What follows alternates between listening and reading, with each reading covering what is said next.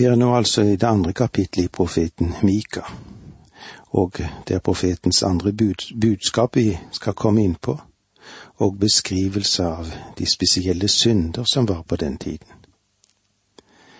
I dette kapittelet altså så beskriver Mika folkets spesielle synder. Dommen kom over disse menneskene fordi de hadde hengitt seg til avgudsdyrkelse med alt hva dette innebærer. Avgudsdyrkelse på denne tiden representerte også grov umoral. Og eh, lønn til horene ble betalt på høydene, som det står. Prostitusjon var en vesentlig inntektskilde for religionen deres fordi sex er knyttet til avgudsdyrkelsen. Vi ser at det samme er sant også i dag når det gjelder det okkulte og satanstilbedelsen. Jeg tror det er en klar forbindelse mellom det okkulte i dag og den avgudsdyrkelse som foregikk på Mika sin tid. Sex ser det ut til spiller en stor rolle i begge situasjoner. Det er en åpenbaring av mennesket som bryter Guds bud etter. Seksuell synd og avgudsdyrkelse synes å løpe sammen. De ødelegger hjemmet, og de ødelegger det vakre og det ømme fellesskapet mellom mann og kvinne i ekteskapet. Når den seksuelle dimensjonen knyttes til fellesskap i et ekteskap, så kan det bli noe av det vakreste og mest dyrebare på jorden. Men når et folk drar seksualiteten ut av denne sammenheng og oppmuntrer til fri sex i religions navn, eller i nymoralens navn, så er det i seg selv et uttrykk for at en nasjon er i forfall og på vei nedover. Det er altså med andre ord de religiøse-etiske spørsmålene som opptar Mika. Han eh, er sterkt i åndsfellesskap med Amos, som eh, denne slo ned med stor styrke på utskeielsen i Nordriket, så tar eh, Mika fatt på alt usunt og syndig vesen både i Sydriket og i Nordriket, men mest i det som hadde med Sydriket å gjøre. Han eh, tar de fattiges parti mot de rike. Han ser på urettferdigheten i samfunnet han kommer innom fjusk i handelslivet og bestikkelse i rettsvesenet. Han forkynner Guds dom over dommere, prester og profeter som alle sammen bare tenker på å berike seg selv. Mika ser grunnen til dette dype sedelige forfall i en forvrengt og falsk religiøsitet som finnes. Juda mente seg å være sikker på Guds beskyttelse. Hvorfor? Jo, fordi de var Guds folk og hadde hans tempel i sin midte. De trodde det var en umulighet at noen ulykke kunne ramme Jerusalem, men folkets synd var aldri så stor. For der hvor tempelet var, der var jo Herren. Denne menneskelige sikkerhet og tiltro til Guds beskyttelse er feilaktig. Folket, det må omvende seg. Situasjonen forlanger en gudsdyrkelse av et ganske annet innhold enn det de viser. For uh, Herren er det ikke nok med at de blir betjent med ytre seremonier og ofringer. Hva krever Herren av deg uten at du skal gjøre rett og vise kjærlighet og vandre ydmykt med din Gud? Mika sin forkynnelse, eller skal vi si frelsesforkynnelse, inntar en ganske stor plass i denne profetboken. I fremtidsperspektivet viser han hvordan folkene skal samles på Herrens berg, og lov utgå fra Sion og Herrens ord fra Jerusalem. Et herlig fredsrike skal opprettes. Krigsvåpenet skal smis om til fredens redskaper og ingen skal lenger lære å føre krig. Det er dette vi blir minnet om i, i Mika sin profetbok. De syndene som Mika vil tordne mot i dette kapittelet, i kapittel to, er synd mot hverandre, synd mot menneskeslekten, mens synden, som det ble omtalt i det første kapitlet, dreier seg om deres fellesskap med Gud.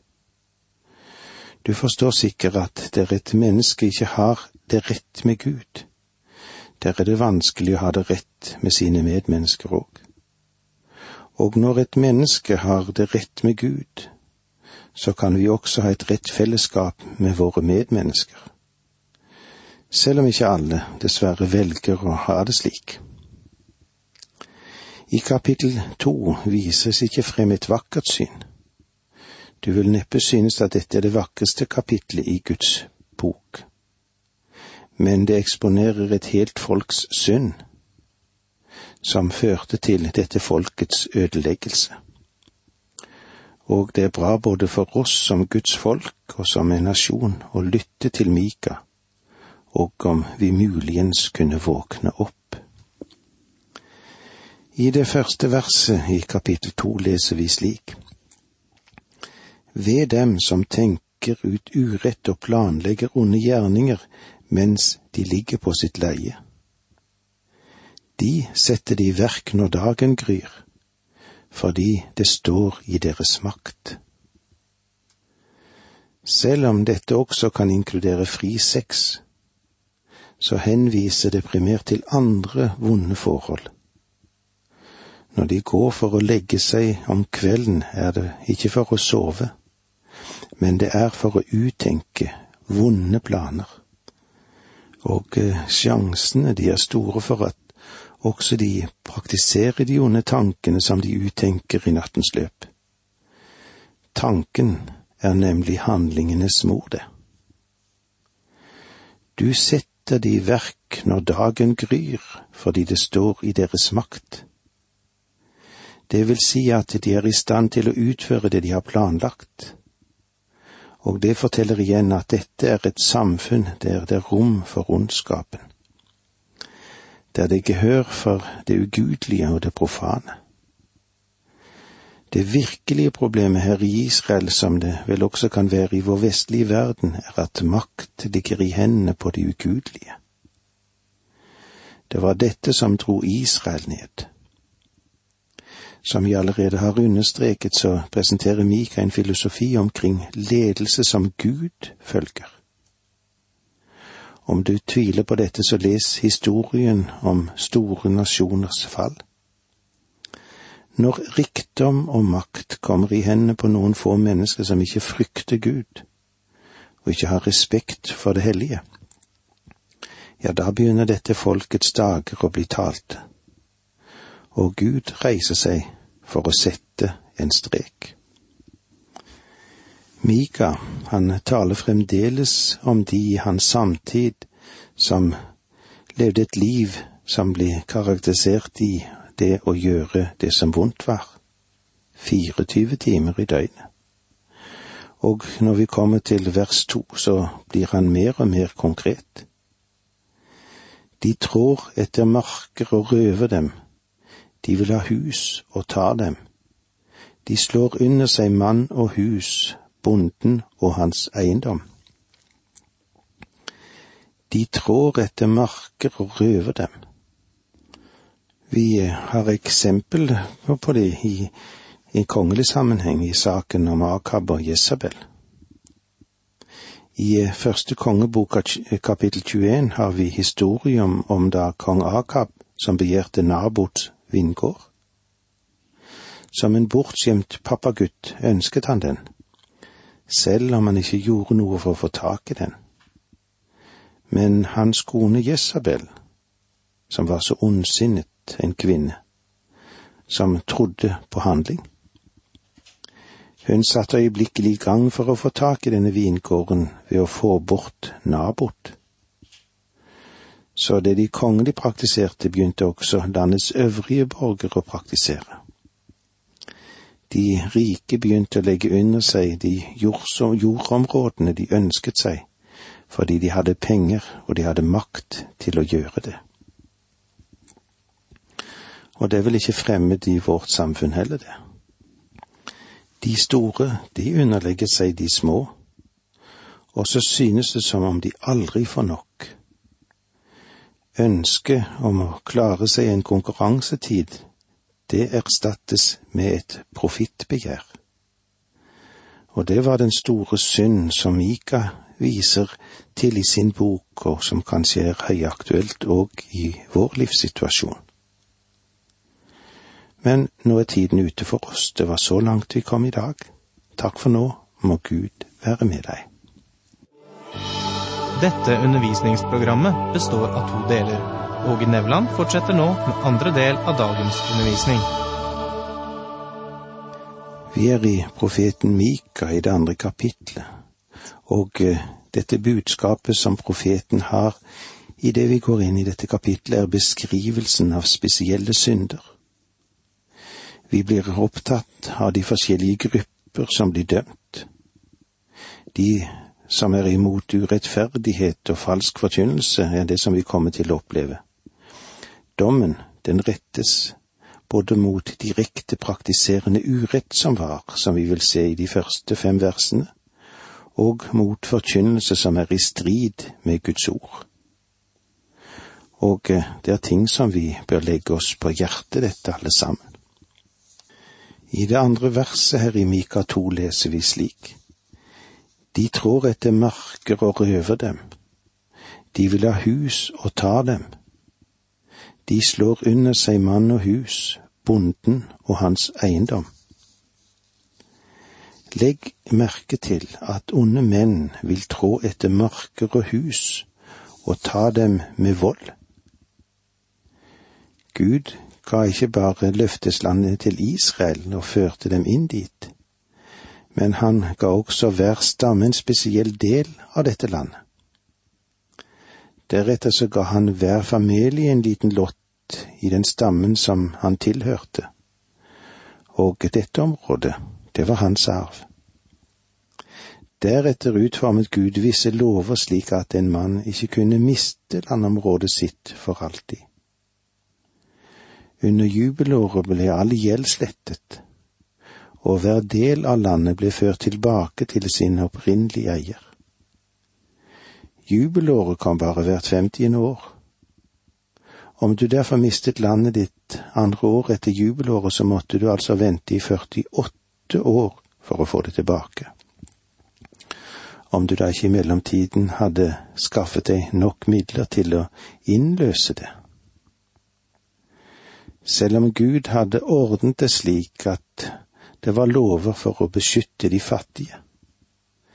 Så var det slik at de rike alltid fant veier for å omgå lovene, og det gjorde de selvfølgelig. Gjennom hele Bibelen ser vi at Gud er på den fattige side.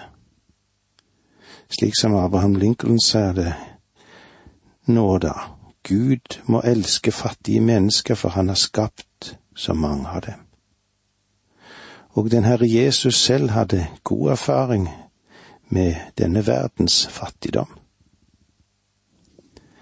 Vi leser i vers tre, kapittel to. Derfor sier Herren, jeg tenker ut en ulykke mot denne slekt. Den kan dere aldri fri dere fra. Dere skal ikke lenger gå stolte omkring, for dette blir en ond tid. Dette er et meget interessant vers. Gud har sagt, Jeg fordømmer dere fordi dere ligger i sengene og planlegger ondt råd. Nå sier han, Jeg vil legge ut ondt råd mot dere. Hva mener han med det? Ville Gud faktisk gjøre det som var vondt?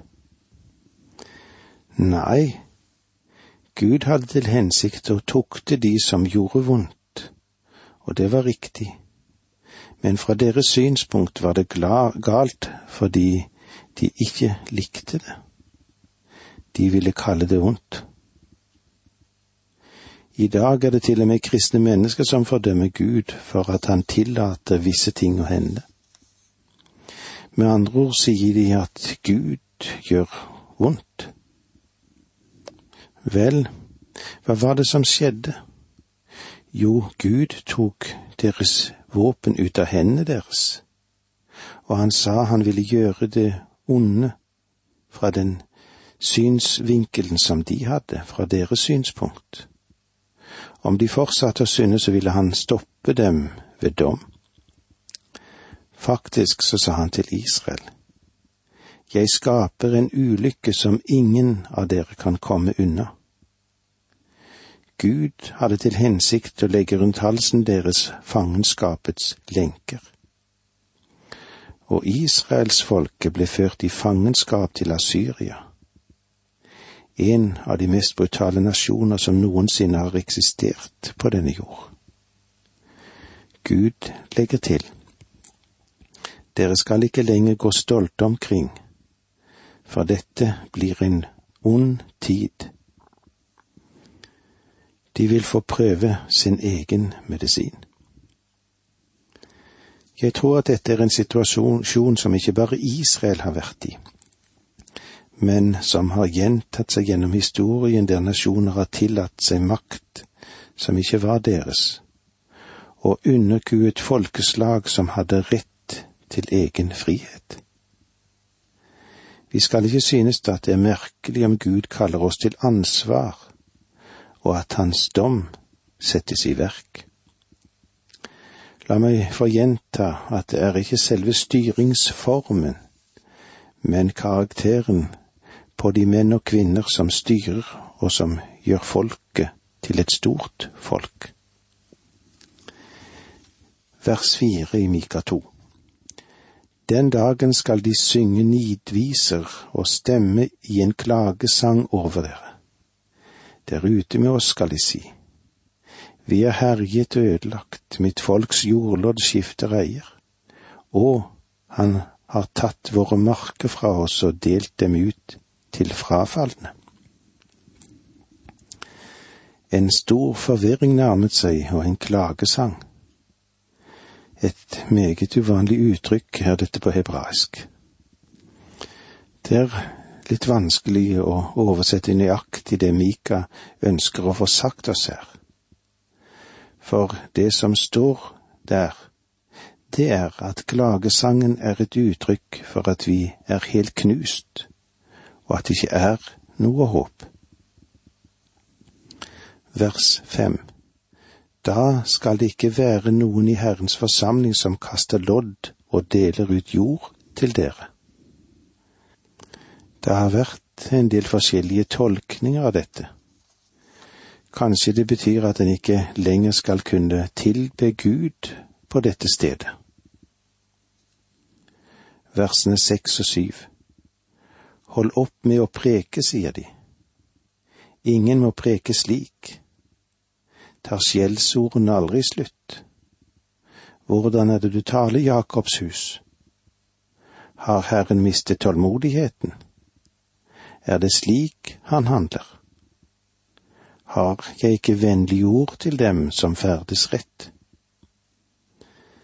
Dette var en tid da Gud satte stopp for den profetiske ånd. Hvorfor? Jo, fordi folk ikke ville lytte til den, og det kom en hunger etter Guds ord. Er det slik han handler? Gud hadde sagt til dem at han også hadde noe i beredskap for dem som ville oppfatte noe som ondt. Dommen ventet på dem. Har jeg ikke vennlige ord til dem som ferdes rett, selv om budskapet er hardt, så vil Guds folk akseptere det, og de vil lyde det. Dette er, som jeg har sagt tidligere, det er ikke en vakker del av Bibelen, dette, slik som vi finner det i Salme 23 eller Johannes 14. Men Gud setter dette på samme nivå, på samme linje. Og du bør merke deg at alt Guds ord er Guds ord. Prøv ikke å sile eller skille det ene fra det andre. Vers åtte. Men mitt folk har lenge opptrådt som fiender. Dere tar kappen av fredelige folk. De som vandrer trygt, blir krigsfanger. Gud sier at selv om de er hans folk, så har de blitt hans fiender og et av bevisene for den måten de behandlet de fattige på, ser vi her. Gud insisterer alltid på rettferdighet. Hans anklage er dere tar kappen av fredelige folk. En manns kappe var det han sov i. Med andre ord tok de mannens seng fra ham. Så langt var de villige til å gå for å rane til seg og rive til seg fra den fattige. Vers 9 Dere driver kvinnene i mitt folk bort fra hjemmene de var glad i. Dere har for alle tider tatt min ære fra deres barn. Dere driver kvinnene i mitt folk bort fra hjemmene de var glad i. Hva er dette for noe? Jo, det henviser antagelig til de ubeskyttede kvinner som hadde arvet hjemmene etter sine menn. Dere har for alle tider tatt min ære fra deres barn. Selv barna var frarøvet det Gud hadde gitt dem og de ville vokse opp med en sterk protest og en holdning som var mot alt dette. I våre dager er kanskje en opprørsk ungdom et signal fra Gud i et forsøk på å riste oss ut av vår likegyldighet. Kanskje noe å tenke på. Vi avslutter med å lese vers ti. Stå opp og dra herfra. Dette er ikke noe hvilested, for her er urenhet som volder skade og forderv. Takk for nå, må Gud være med deg.